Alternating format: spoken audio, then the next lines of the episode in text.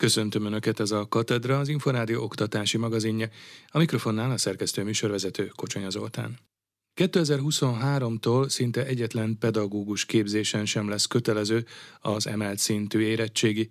A Nemzeti Pedagógus Kar elnöke ennek kapcsán azt mondta, a tanári szakokon már ez idáig is meglehetősen alacsonyak voltak a ponthatárok. Horváth Péter szerint a képzések színvonal romlásától nem kell félni, ugyanakkor versenyképes bérek nélkül a pedagógus pálya nem lesz népszerűbb. Imre Júlia készített interjút Horváth Péterrel, a Nemzeti Pedagógus Kar elnökével. Gyakorlatilag az angol és valamilyen szakkivételével szerintem majdnem mindenhol, ahogy én néztem, ott valóban nem lesz szükség az emelt szintű érettségire. Hát ennek az oka, hogyha így próbáljuk racionálisan megközelíteni, akkor nyilván egyrészt az, hogy az egyes szakokra való jelentkezés, különösen az első helyes jelentkezés nagyban visszaesett az utóbbi időben, bár én ezt elsősorban nem az emelt szintű érettség kötelezettségének gondolom, hanem annak a fajta életpályának, ami azért nem túlságosan vonzó vonzó a fiatalok számára, illetve a másik az, hogyha megnézzük azokat a pontokat, amelyek szükségesek voltak az egyetemre való bekerülés, felsőoktatásról bekerülésnél, pedagógus szakoknál, azok meglehetősen alacsonyak. Többségében akár a tanítói szakot nézem, akár az óvodapedagógust, akár a legtöbb pedagógus szakmát, sajnos ez 280-300-310 környékén adódott. Akkor mondhatjuk, hogy valójában olyan óriási változást nem hoz ez a könnyítés. Nagy változást ettől nem várok, hogy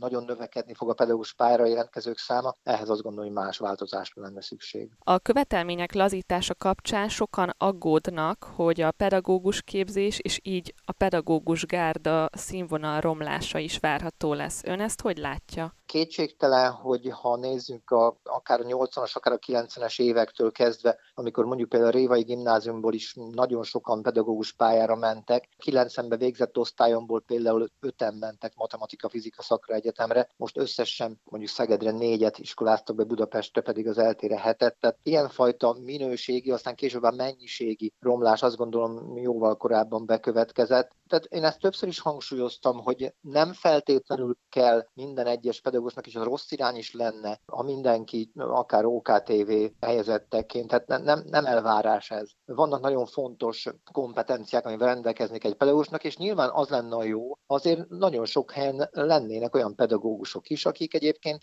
a tudományban is akár kiemelkedően tehetségesek, de nem kell mindenkinek annak lenni. Ugyebár ön is említette, hogy az egyik fő gond, hogy nagyon kevesen jelentkeznek évek óta tanári szakokra. Sok tanári szakpárt már el sem tudnak indítani az egyetemek, például biológia, fizika tanárszakot hat egyetem hirdetett, meg idén végül csak egy egyetemen indult el. Tehát hogyan lehet orvosolni ezt a dolgot, hiszen például természettudományos tárgyakat oktató Z-szakot is indítottak ugye idén, és ott is láthattuk, hogy nem jött el ez a kívánt fordulat. Összesen 13-an kezdték el ezen a szakon a tanulmányt tanulmányaikat. Nagyon aggasztóak ezek a számok, ugye fizika-kémia szakos tanár évek óta nem indul, és ha informatika szakosokat is megnézzük, hát nagyon kevesen jelentkeztek. Ugye el lehet fedni sok mindent azzal, hogy milyenek a jelentkezések, de ha megnézzük az első helyes jelentkezéseket, tehát ahova valóban akar menni egy fiatal, az nagyon rémisztő a pedagógus pályára nézve is. Azt láthatjuk, hogy akár tanító a pedagógusnak a negyed része szeretne igazából az lenni, de a pedagógus képzésben is jellemzőek ezek a számok mindenfelé. Egyértelmű, hogy azok a fajta nehézségek, amik egyébként a pedagógus pályával járnak, és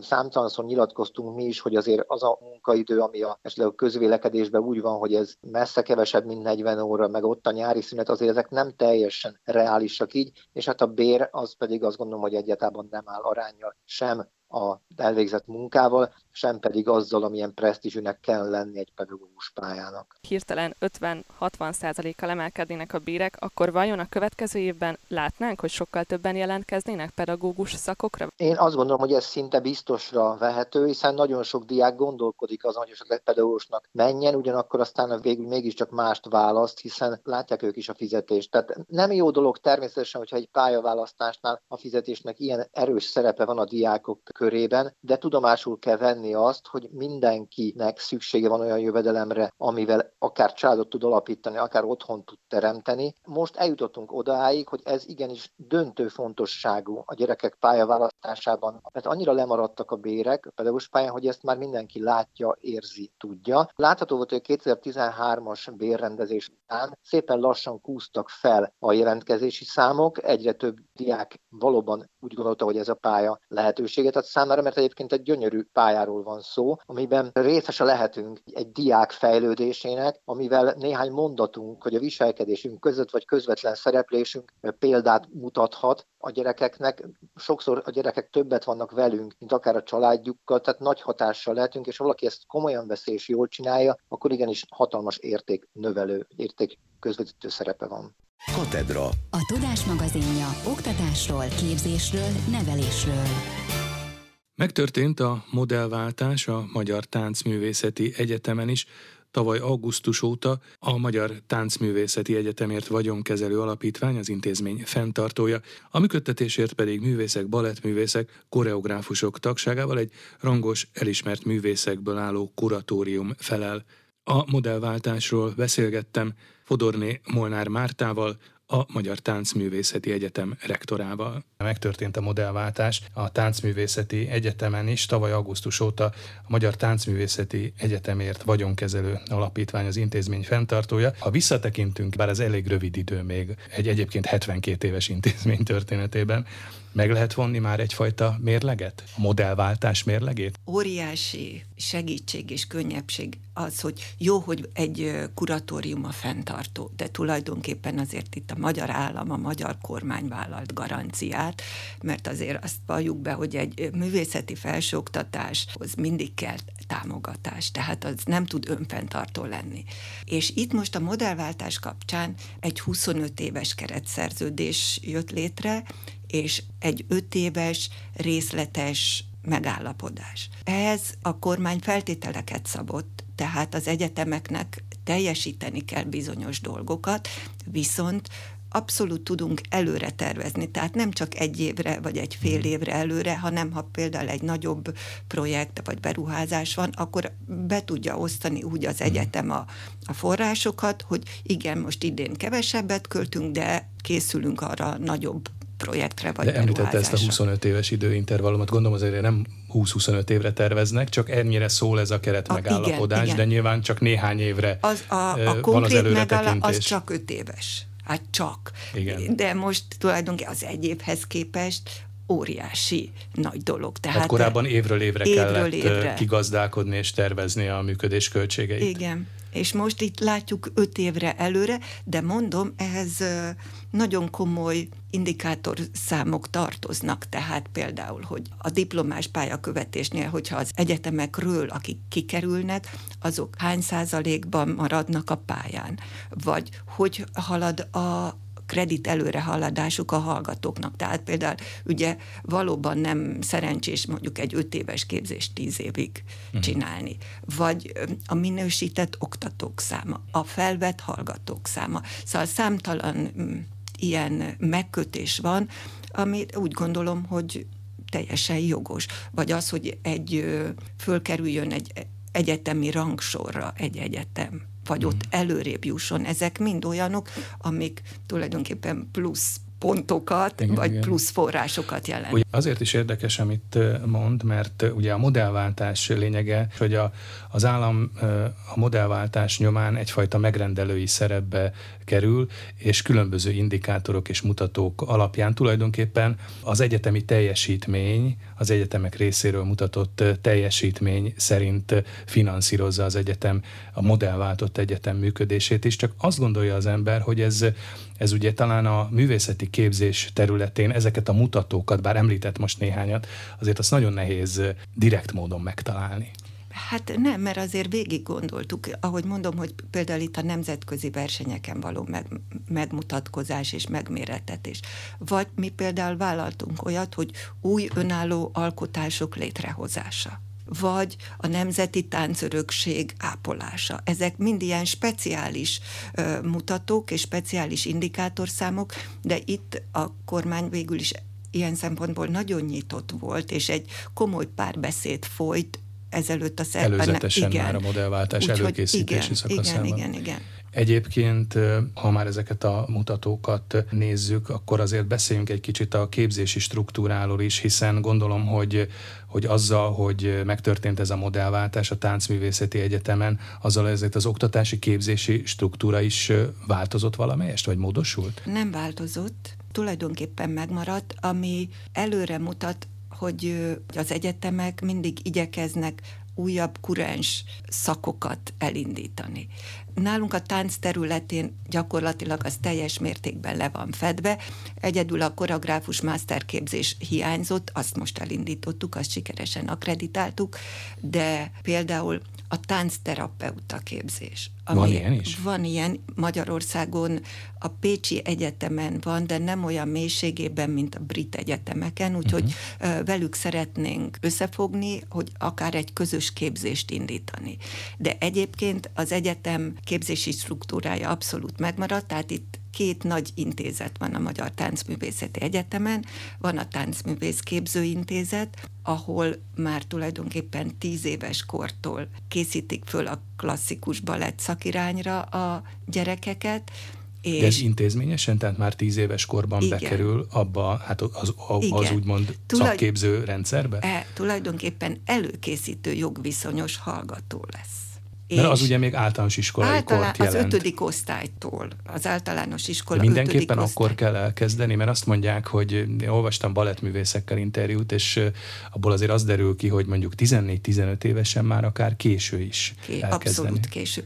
A, modern a testi tánc, adottságok miatt? Igen, vagy mert a... a test másképp alakul, hogyha nincs egy olyan dresszúrában, nincs egy olyan mm. napi tréningben, és nem kevés, mert ezek a gyerekek napi négy és fél, öt órát, tehát mint egy élsportolók, annyit gyakorolnak, és speciálisan a klasszikus balett irányába. Természetesen sok mást is tanulnak, mert akrobatikát, modern táncot, néptáncot, társastáncot. És hát gondolom azért megvannak a közismereti tárgyak is. És a, igen, emellett, ezek ami... a gyerekek délelőtt reggel nyolctól egyik iskolában vannak, és akkor fél kettőtől hatig a szakmai órák vannak.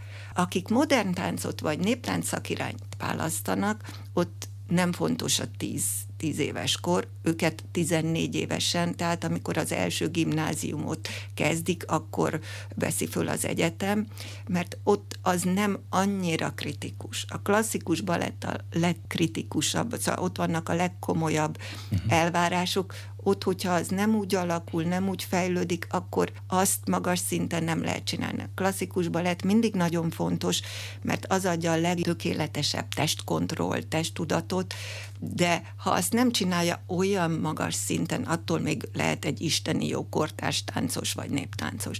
Ha klasszikus balettet szeretné profi szinten csinálni, akkor azt tíz éves kortól kell elkezdeni. Tehát akkor tulajdonképpen a Táncművészeti Egyetem vonatkozásában, ha azt mondjuk, hogy mondjuk az egyetemi felvételi az ugye 18-19 éves, 20 éves kor, akkor ez a Táncművészeti Egyetem vonatkozásában ez a korhatár ez nem áll meg. Felsőoktatási törvény is tesz egy kivételt hmm. velünk kapcsolatba, nálunk beléphetnek az egyetemi képzésbe innen a táncművész szakról, akik a harmadik gimnáziumot kezdik. És hmm. akkor ott egy kettős jogviszonyuk lesz, egyrészt még gimnazista, másrészt viszont már egyetemi hallgató. De a Magyar Táncművészeti Egyetemen van olyan képzés is, ami, mint a, a normál egyetemeken érettségi után indul, tehát mondjuk a táncos és próbavezető szak, vagy a koreográfus szak, meg a tánctanár szak. Vannak azért úgymond elméleti Igen. szakok is? Ugye a tánctanár szak az fele-fele arány, uh-huh. de az összes szakon vannak komoly elméleti tárgyak, tehát tánctörténet, zenetörténet, esztétika, számtalan uh-huh. ilyen tantárgy van, de mondom például itt ez a táncos és próbavezető szak, ezt az érettségi után tudnak ide belépni. Ez elsősorban a művészeti szagimnáziumokban végzett fiatalok számára nyújt továbbtanulási lehetőséget, hogy egy egyetemi bachelor diplomát kapjanak a végén. Azt jól tudom, hogy a tekintetben is különleges vagy egyedülálló a Magyar Táncművészeti Egyetem, hogy felsőfokú végzettséget adó táncművész képeznek, vagy diplomát adnak, mert hogy ez nem nagyon van Igen, így a jól, világban, jól, hogyha jól körülnézünk. Tudja, abszolút nagyon kevés ilyen például Európában van a, a Dresdai Palukasule, vagy a Rotterdami Kodárc, ahol kortárs mhm. tánc képzés De hogy ez folyik. inkább kuriózum, vagy De ez abszolút megy. kuriózum, mert vannak nagyon jó táncművészképző helyek, csak nem adnak diplomát. Lehet, hogy abban a pillanatban az nem érdekes, de a későbbiekben igen. És ez az egyik ok, hogy nagyon sok külföldi fiatal jön hozzánk, például Japánból. Mert igen, a szülők fontosnak tartják, hogy ne csak egy jó képzést kapjon, hanem utána egy diplomával távozzon. Külföldi hallgatók milyen arányban vannak most a táncművészeti Körülbelül 10 százalék most de a tovább lépéshez tervezünk, most például aláírtunk egy kínai céggel egy szerződést, hogy jövőre 60 kínai hallgató fog érkezni.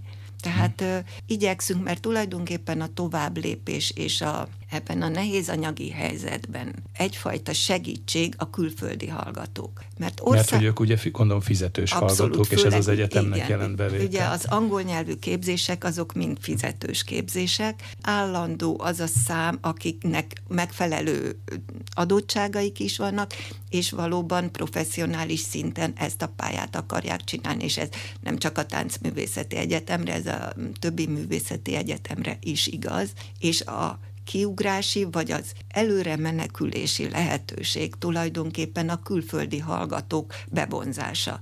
Mert így, hogyha egy magyar hallgató jönne, akkor most a kormány egyik zsebéből a másikba mhm. teszi tulajdonképpen. De a magyar hallgatók a... többsége, gondolom, hogy ösztöndíjas persze, hallgató. állami ösztöndíjas, mert azért... Nem amit... is nagyon lehet neki gazdálkodni, gondolom, hiszen itt azért kiscsoportos képzések, persze, személyre szóló igen, képzések abszolút, vannak. igen. Nem is tudnák a hallgatók nagyon kifizetni mm. ezeket, hogyha nem, nem állami ösztöndíjas képzés lenne.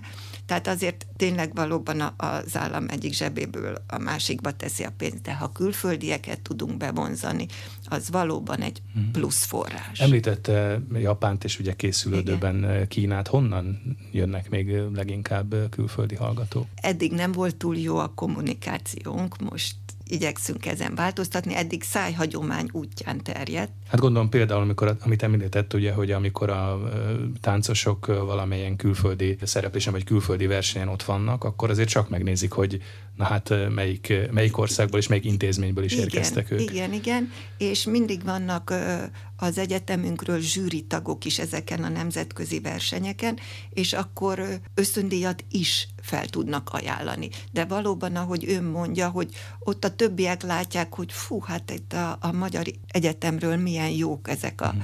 a hallgatók, ők is jönnének. Vagy aki itt volt, az hazamegy, és mondja. Nagyon sok olasz hallgatónk van, mm.